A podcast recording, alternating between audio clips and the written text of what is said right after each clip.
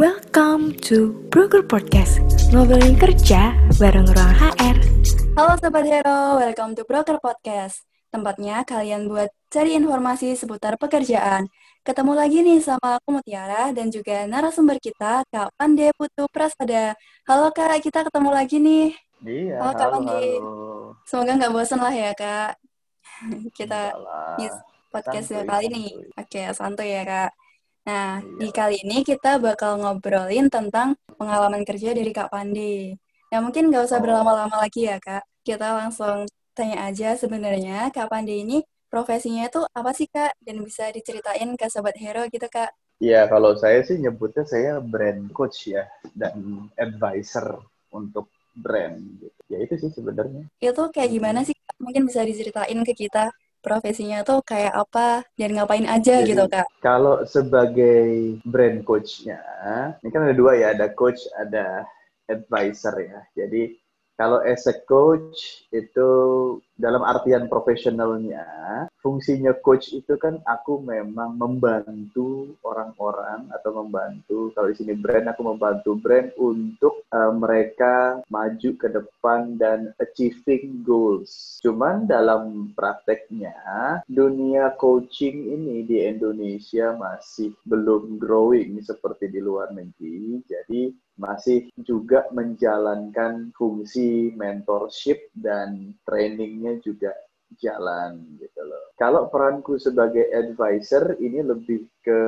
perusahaan perusahaan ya bentuknya atau lebih ranahnya ke perusahaan yang kupunya itu White Gossip as brand consultantnya ya aku akan memberikan advice lah memberikan saran-saran untuk bagaimana brand itu ya untuk brand management sebenarnya jadi bagaimana memanage sebuah brand itu dari creatingnya developingnya terus juga growingnya sampai sustainnya bagaimana ya kalau ditanya pekerjaannya ya itu sih paling Oke, mantap banget ya Kak. Mungkin memang kayak masih asing gitu ya Kak kalau di telinga kita gitu pekerjaan ini.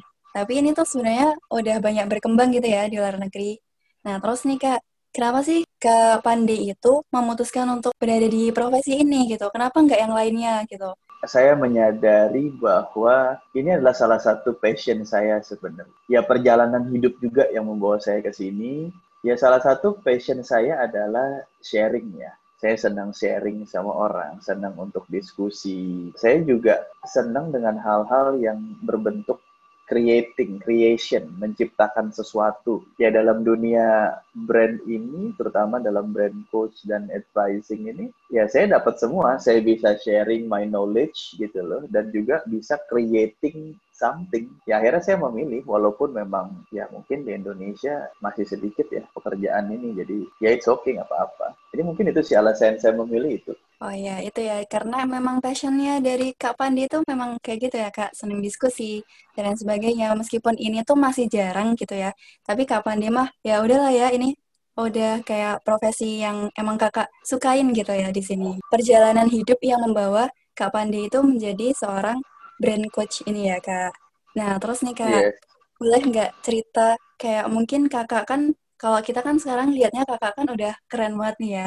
Pasti kan dulu pernah ada di titik terbawah tuh, pernah gagal, pernah ngerasain kayak juga mencari pekerjaan ke sana ke sini hingga akhirnya bisa menetapkan profesi yang sekarang. Itu mungkin boleh ceritakan ke kita, Kak, suka dukanya dan pernah ada di titik terbawahnya Kak Pande mungkin bisa jadi pelajaran buat kita, Kak. Ini untuk yang ini ya, untuk yang brand coach ya. Karena kalau kalau usaha kan saya ada beberapa, semua usaha punya ceritanya. Tapi kalau di sini mungkin saya bahas yang brand coach. Jadi dulu awalnya ini bermula ketika saya berpindah keyakinan dari Hindu menjadi Islam. Nah, ketika harus out dari rumah lah gitu, terus memulai sesuatu yang baru gitu.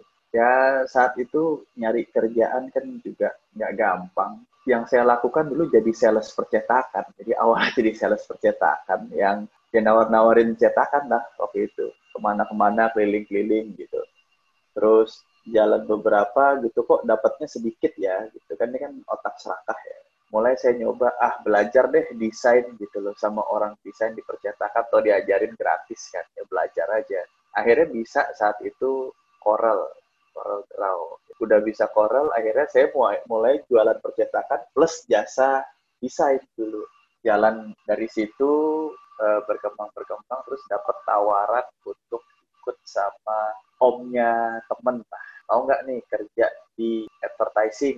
Kamu kan punya pengalaman di percetakan. Oh boleh. Akhirnya aku masuk tuh ke dunia advertising. Nah di situ belajar lebih banyak lagi tuh di advertising jalan beberapa saat uh, ya karena masalah internal di perusahaan akhirnya perusahaannya dibubarin ya ya terpaksa cari lagi sendiri gimana gitu. Akhirnya ikut-ikut IO lah ikut-ikut IO yang kebetulan ngerjain uh, activation jadi marketingnya marketing activation dari produk-produk yang ada di Indonesia lah bikin activation gitu. Nah itu juga belajar lagi dunia baru belajar lagi hal baru yang sampai akhirnya saya menemukan apa sih brand itu. Dan akhirnya saya mulai coba mendalami, akhirnya mulai belajar, mulai ambil-ambil kelasnya, terus memperdalam lagi, dan akhirnya saya mulai coba jadi freelance kayak brand consultant gitu, yang dihargain receh banget lah ya. Ya seiring waktu dan pengalaman ya, pengalaman. Ya ini menyambung topik yang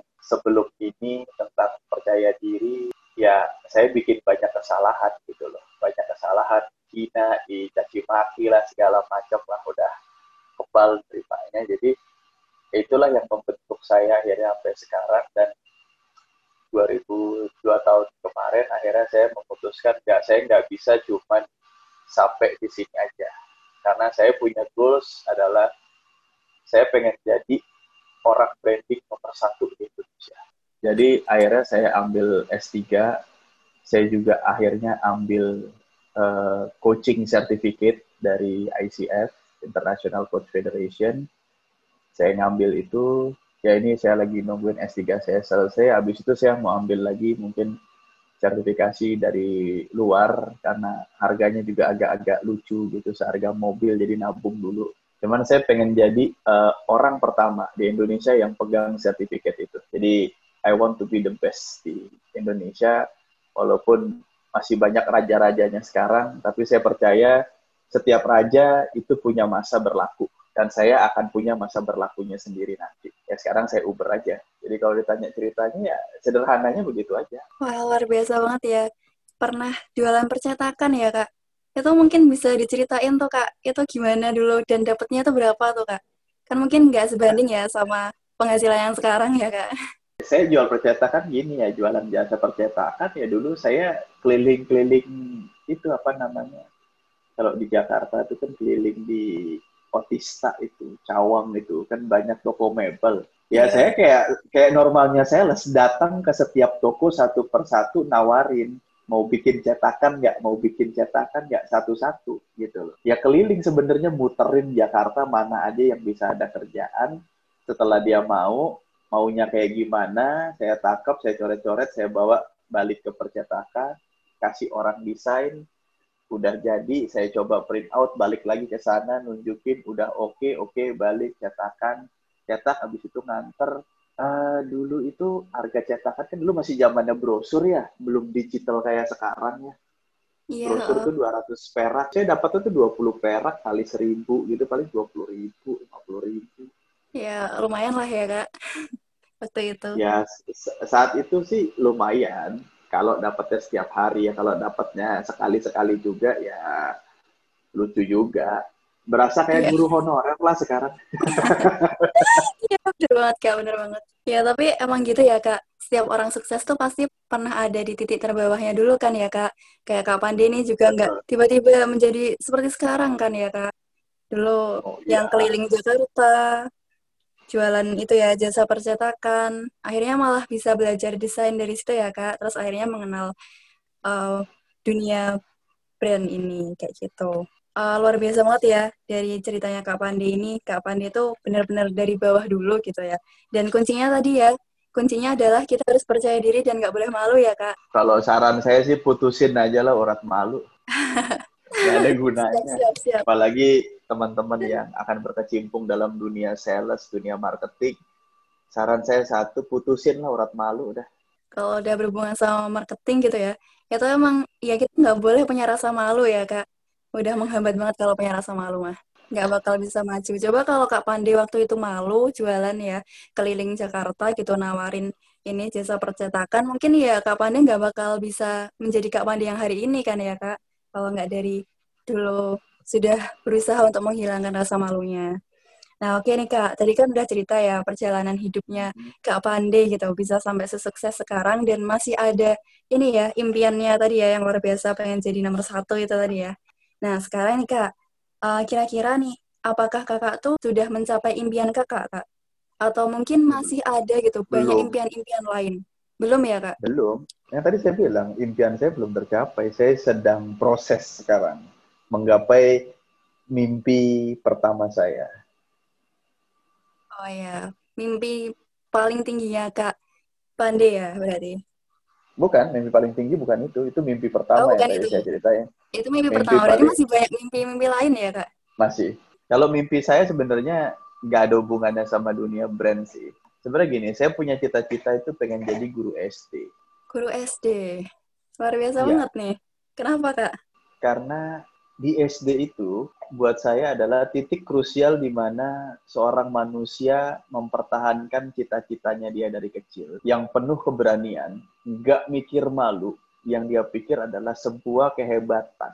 Itu buat saya, saya percaya itu terjadi karena Tuhan atau Allah itu sudah membisikkan kepada kita di waktu kecil, lu bisa jadi A. Makanya dia punya cita-cita tuh, gue mau jadi dokter, mau jadi astronot terlepas di Indonesia roket juga nggak ada gitu loh. Tapi otaknya udah mau jadi astronot. Nah buat saya adalah saya pengen itu tetap hidup gitu loh. Saya pengen itu tetap ada makanya saya pengen jadi orang yang berkesempatan untuk tetap membuat mereka mempertahankan mimpinya itu. Kalau kita mimpi aja nggak berani, Mimpi itu tidak dilarang. Bahkan kita tuh sekarang takut buat mimpi karena selalu kita membandingkan dengan realita. Padahal ya kita tahu nggak ada yang pasti di dunia ini selain yang namanya mati. Semuanya serba belum pasti gitu loh. Jadi kalau mimpi aja takut, gimana dia berusaha? Contoh, sejelek-jeleknya kondisi kalau teman-teman mimpi bisa beli Ferrari. Ya, sejelek-jeleknya kan NMAX kebeli lah ya. Vespa kebeli lah ya. Buat saya, jangan sampailah hilang mimpi-mimpi itu gitu. Nah ini peran saya kayak jadi coach, jadi itu ya ini sangat terpakai. Jadi jalan yang saya pilih sekarang ini udah on track sebenarnya semuanya, cuman memang belum waktunya terjadi itu aja. Tinggal nunggu waktunya. Allah itu bilang, aku adalah bagaimana umatku beranggapan terhadap aku.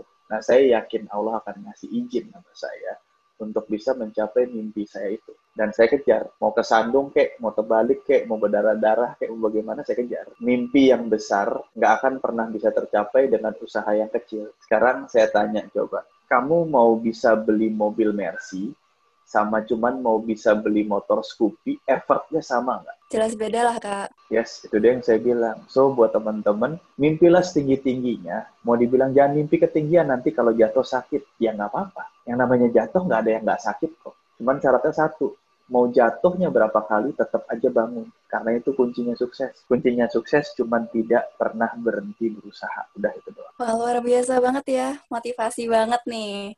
Keren banget nih. Berarti intinya ya dari Kak Pande ini masih ada satu impian yaitu pengen jadi guru SD ya Kak. Ya ini sebenarnya masih sejalan ya karena Kak Pande itu suka di dunia mengajar ya mungkin coaching kayak gitu ya Kak. Nah dan tadi ya pesannya dari Kak Pande itu luar biasa banget ya. Mimpi itu tidak dilarang gitu. Mimpilah yang sebesar-besarnya. Kalau misalnya jatuh kan bisa bangun lagi.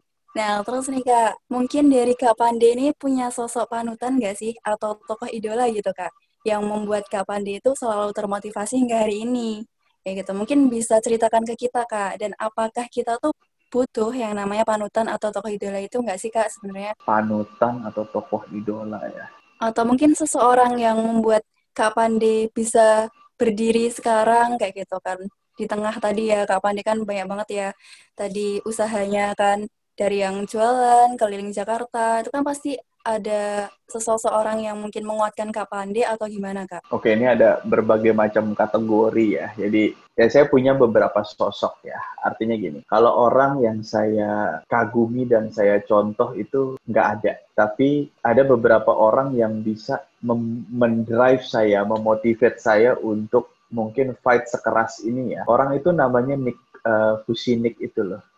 Mungkin teman-teman tahu orang apa speaker motivator yang cukup sukses itu nggak punya tangan nggak punya kaki dia aja bisa begitu terus gua yang masih punya nggak bisa ngapa-ngapain ya itu buat saya saya harus malu. Kalau saya masih ngeluh saya harus malu. Yang kedua yang menjadi motivasi saya adalah satpam, OB, pemulung dan orang-orang yang secara sosial dianggap rendah. Ketika teman-teman mencoba duduk bersama mereka dan coba melihat perjuangan hidup dari sisi mereka, teman-teman pasti akan ngerasa malu. Segitu beratnya mereka, nggak pernah ngeluh. Kita cuma gara-gara ditikung atau di PHP udah bapernya nggak keruan Nah, melihat mereka iya, itu orang yang selalu membuat saya tidak boleh jatuh. Artinya saya nggak boleh rubuh gitu loh. Saya adalah tembok, saya adalah jangkar, ya ibu saya, karena itu surga saya.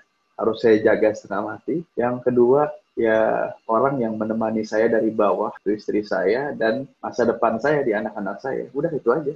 Okay. Jadi saya nggak nggak punya ya. satu sosok spesial yang gimana banget buat saya. Nggak lah, karena saya beranggapan bahwa everybody is special. Semua orang itu spesial, hanya terkadang dia tidak menyadari kenapa mereka spesial. Benar banget, Kak. Wah, luar biasa banget nih, Kak. Oke, kalau aku tadi kepikirannya nih, kapan dia itu malah bakal jawab orang-orang yang udah top gitu, yang ada di atas. Ternyata Kak Pandi ini malah menjawabnya ya, tokoh idola atau panutannya Kak Pandi, itu malah justru orang-orang yang ada di bawah ya, Kak ya entah itu orang-orang yang mungkin nggak punya kelengkapan fisik kayak kita, kita kan rasanya malu gitu ya kak, kalau misalnya kita yang masih fisiknya sempurna, kok malah nggak bisa berusaha lebih gitu dari mereka. Malah Kak Pandi itu lebih belajar dari orang-orang di bawah kayak Sapam, OP, kayak gitu ya Kak.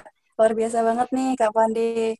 Nggak nyangka nih, ternyata sosok panutan dari Kak Pandi atau yang membuat motivasi Kak Pandi itu besar itu adalah orang-orang yang berada di bawah gitu ya. Karena terkadang kita tuh harus melihat ke bawah juga gitu ya Kak untuk bisa lebih semangat dan juga bersyukur bersyukur menjalani hidup ini gitu ya Kak. Benar. Nah, terus benar nih, ya seru banget nih kalau ngomongin tentang kesuksesan gitu ya. Nah, terus nih Kak, kalau ini mau aku hubungin sama pandemi ini sih Kak, Nah, kalau selama hmm. pandemi ini kan kita banyak banget ya terhambat, terus juga ada yang kehilangan pekerjaan dan lain sebagainya. Hmm. Mungkin ada nggak sih Kak motivasi dari Kak Pande buat orang-orang yang lagi apa ya, lagi kena PHK mungkin atau lagi cari pekerjaan dan nggak ada berdapat, biar mereka tuh bisa lebih survive gitu Kak? Saya dibilang sama murid saya, istilahnya uh, anak-anak di kampus ketika saya ngajar di kampus, saya dosen juga, juga sama orang-orang yang ikut training dan beberapa uh, organisasi-organisasi anak muda di mana saya diminta menjadi coach di sana dan mentor di sana. Mereka bilang saya kejam sih kalau urusan begini. Saya justru nggak kasihan, ya saya justru nggak kasihan, tapi justru saya justru pengen mengajak mereka. Ini adalah titik balik banyak orang ya. Artinya pandemi ini menghantam satu dunia dan menyelesaikan perabadan era kemarin. Karena jujur sebenarnya yang berantakan itu lebih di atas dibandingin yang di bawah. Kalau dari segi bisnis, UKM, tukang pecel lele aman-aman aja hidup, tukang bakso iya, aman-aman aja hidupnya. Yang kolab ya, siapa? Resto. Aja. Yang kolab siapa? Mall. Jadi yang teriak susah itu orang gede yang didukung sama buzzer dan sosial media. UKM susah iya karena orang nggak boleh datang. Mereka nggak terdaftar di Gojek. Tapi toh orang tetap aja datang, belanja, bawa pulang, tetap aja beli. Kalau pandemi ini untuk orang yang di PHK buat saya gini, ini bukan akhir segalanya. Mungkin saatnya teman-teman yang di PHK ini mulai keluar dari comfort zone. Bisa jadi ini adalah satu momen, eh, satu momentum di mana kalian ini diberikan satu petunjuk untuk menjadi orang yang lebih baik. Kalau cuma nggak dapat kerja, ntar bisa dicari lagi. Nanti ada lagi pekerjaan yang lain. Itu pekerjaan selalu ada, nggak mungkin enggak. Permasalahannya mau nggak keluar dari zona nyaman. Dan akhirnya sekarang teman saya sendiri banyak yang akhirnya dari bekerja kantoran sekarang malah menjadi entrepreneur. Dan setelah jalan beberapa bulan ini dia bilang, gue lebih nyaman begini ternyata ya. Enak gue jadi punya waktu buat keluarga. Saya sendiri terimpact gitu loh. Ada salah satu usaha yang saya harus tutup karena ini. Tapi emang saatnya berubah sih. Kalau buat saya, kita melek, ya balik lagi kita berpikir positif bahwa apa pun yang terjadi, ini pasti yang terbaik menurut Allah. Nah, yang jelek tuh hanya menurut manusia karena otaknya nggak nyampe untuk ukur apa yang mau Allah lakukan untuk masa depan. Tapi sekarang kita bisa rasain kok langit lebih cerah, udara lebih segar, jalanan Jakarta jadi nggak terlalu macet, jadi enak ke mana-mana. Jadi mungkin ini kalau buat saya satu momentum perubahan di mana saatnya orang-orang yang di PHK mulai mengkaji lagi, melihat lagi balik ke dalam dirinya, apa peluang yang ada dan harus memaksa dirinya keluar dari zona nyaman. Itu sih kalau dari saya. Saya kayak kasihan juga, justru saya semangat. Makanya saya dibilang, lu kejam, lu nggak punya empati, lu. Bukan gitu juga. Oke, okay, oke. Okay. Iya nih, mungkin kesannya kejam gitu ya. Tapi sebenarnya ini justru buat kita makin bangkit loh kak sebenarnya. Mungkin Kak Pande rasanya kayak ya nggak usah kasihan lah ya. Justru ini kan kayak peluang kita buat kita tuh berada beradaptasi di dunia yang baru gitu ya kak dengan segala hal yang baru kayak gitu ya intinya keluar dari zona nyaman gitu ya kak tadi yang aku garis bawahin Nah, terus kan hmm. juga untuk masalah pekerjaan tuh ya udah tenang aja gitu kan. Pasti nanti juga ada pekerjaan lagi. Dan ini juga bukan akhir dari segalanya gitu ya, Kak. Dan tadi mungkin boleh nih Kak ceritain kok bisa tuh bisnisnya Kak Pandi ada yang ini, ada yang bermasalah juga ya Kak karena pandemi ini. Iya, iya, saya punya saya punya catering. Kebetulan menyuplai hmm. kantoran kan. Ya kalau udah suplai kantoran, sekarang kantor kagak ada yang menyuplai apaan kan gitu aja. Oh ya gitu. Oke, oke. Okay. Ya jadi yeah. ya harus bubar jalan juga gitu loh. Dan itu pun menjadi tadinya menjadi passive income ya. Salah satu backbone revenue saya harus hilang. Ya udah tinggal bikin lagi aja selesai gitu loh. Hilang ya hilang. Udah udah selesai masanya itu udah. Okay. ya tinggal bikin baru lagi apalah ntar nggak tahu. Ya ntar aja biar ntar gitu. Wah kalau kak mah ya udahlah ya kalau udah eh, nggak uh, bisa dilanjutin ya udah. Mungkin memang bukan jalannya lagi di situ. Udah masanya udah habis gitu ya di bisnis itu. Tinggal bikin yang baru lagi gitu kan. Masih masih banyak pilihan yang lainnya gitu ya kak. Jadi kalau misalnya ada uh, sobat hero yang habis kehilangan pekerjaan kayak ya udah itu udah masanya berakhir di situ mungkin bisa cari peluang dan inovasi yang baru lagi ya yang mungkin justru lebih baik lagi di tempat yang baru gitu ya kak. Nah terus nih kak uh, mungkin ini sih kak lebih ngomongin ke kiat-kiat nih buat lebih general. Kalau tadi kan tentang pandemi ya. Nah ini lebih ke general berdasarkan pengalamannya kak Pande gitu. Apa aja sih kak yang harus kita tuh uh, persiapkan gitu ya mungkin buat yang lagi cari kerja atau yang masih di bangku sekolah nih buat persiapkan biar besok tuh kan mungkin kita kalau lagi di bangku sekolah gitu kita tuh pasti citanya tinggi gitu kan ya kak. Maksudnya kayak berani dan pede untuk mengambil uh, keputusan cita-cita yang tinggi tapi nanti kalau kita udah lihat realitanya nih kak udah mendekati lulus wisuda gitu kan ya kita langsung mikir aduh ini kerja apa ya dan lain sebagainya nah mungkin bisa kasih motivasi dan dorongan juga arahan berdasarkan pengalaman dari Kak Pandi nih Kak Oke, itu klise banget ya. Sebuah yang sebuah yang klise ya. Bingung mau kerja apa atau salah iya, jurusan. Ya karena dia cuma punya menurut dia dia cuma punya satu masa depan. Masa depan gue tuh kerja pakai dasi, ngantor di sana, ngantor di sini terus begini. Ya tapi kalau mau dipikir-pikir, ya masa depan itu kan dibentuk dari sekarang. Jadi kalau emang nanti kesulitan cari kerja, udah tahu susah cari kerja di situ, ngapain mesti ke situ? Kan pertanyaan itu. Udah tahu susah dicari yang susah. Padahal ada tempat lain yang gampang. Apalagi yang masih di bangku SMA gitu. Coba deh sekarang teman-teman pasti punya smartphone ya, tapi kebanyakan saya lihat orang punya smartphone being outsmart by the phone gitu loh. Jadi dibego-begoin sama handphone. Tapi cobalah pakai handphone itu untuk cari informasi, mungkin jurnal-jurnal researcher lah kayak dari World Economic Forum gitu, tinggal dibuka jurnalnya terus lihat future jobs ada apa sih di sana. Yang saya tahu beberapa pekerjaan akan hilang. Nih teman-teman yang masih mimpi jadi admin, yang mimpi ini jadi admin, jadi CS, uh, buanglah tuh semua. Ke depannya tuh akan goodbye. Karena dua hari lalu saya baru nganter ibu saya ke salah satu bank berlogo biru. Tellernya udah pakai mesin. Gesek ATM, pencet-pencet, keluar duitnya. Udah kayak ATM teller. Cuman ada teller satu orang yang dia mengapprove data dari lima otomatis teller yang ada. So saya lihatnya di situ lima teller udah hilang. Sebentar lagi dunia data driven digital, kerjaan admin bisa diotomasi oleh AI. Nah, goodbye lah kalian yang masih berharap berharap ke sana goodbye. Memang tega jadi orang tapi ini kenyataan yang harus kalian terima ya. Kenyataan di depannya kayak gitu. Jadi mungkin gunakanlah handphone kalian, gunakanlah kesempatan dan informasi yang sangat terbuka saat ini untuk melihat 10 tahun lagi jadi apa ya, lima tahun lagi jadi apa ya. Terus lihat sekarang saya ada di mana, ya kan? Istilahnya masih belum bisa move on, masih ke situ lagi, ke situ lagi. Tapi coba lihat potensi yang baru. Contoh misalnya sekarang robot-robot mulai banyak kan, robot koki udah ada, robot ini udah ada. Tapi nggak pernah pasti ada yang mikirin pekerjaan yang namanya montirnya robot. Itu udah kelihatan tuh, lima tahun lagi robotik hampir di semua hal ada. Nah montirnya robot nggak ada. Kenapa nggak kalau sekarang masih di bangku SMA, lihat, wah gue jadi montirnya robot, keren juga tuh yang sekarang masih di bangku SMA nih terutama. Realitanya kan iya, nanti jatuh dia umur 30 kan. Jadi umur 30 iya. pertanyaan saya satu. Apa pekerjaan yang bisa membuat kalian punya duit banyak? Lihat dari sekarang. Persiapkan dari sekarang. Kalau nanti ya udah ketinggalan. Iya benar banget kak. Intinya kayak gitu. Kalau misalnya memang di pekerjaan yang udah banyak saingannya itu udah nggak bisa lagi ya kita carilah peluang yang lain juga mengikuti zaman juga ya Kak. Jangan sampai kita memilih pekerjaan yang besok bakal hilang gitu dari dunia ini. Oke, makasih banyak nih Kak. Luar biasa banget nih.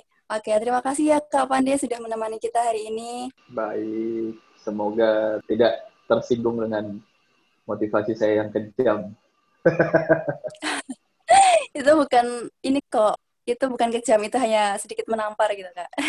Gimana nih Sobat Hero? Seru kan bahasan kita hari ini? Terima kasih Sobat Hero yang udah dengan Broker Podcast kita. Untuk Sobat Hero yang pengen tahu dunia kerja, tenang aja. Broker Podcast bakal ada tiap minggunya kok. Biar kalian nggak ketinggalan informasinya, kalian bisa ikuti media sosial kami di Instagram at ruanghr.co.id dan juga di website kami. Aku Mutiara dan juga Kak Pande, kami pamit undur diri. See you! Cari info dan apply kerja, Ruang HR aja. Apply kerja dari rumah.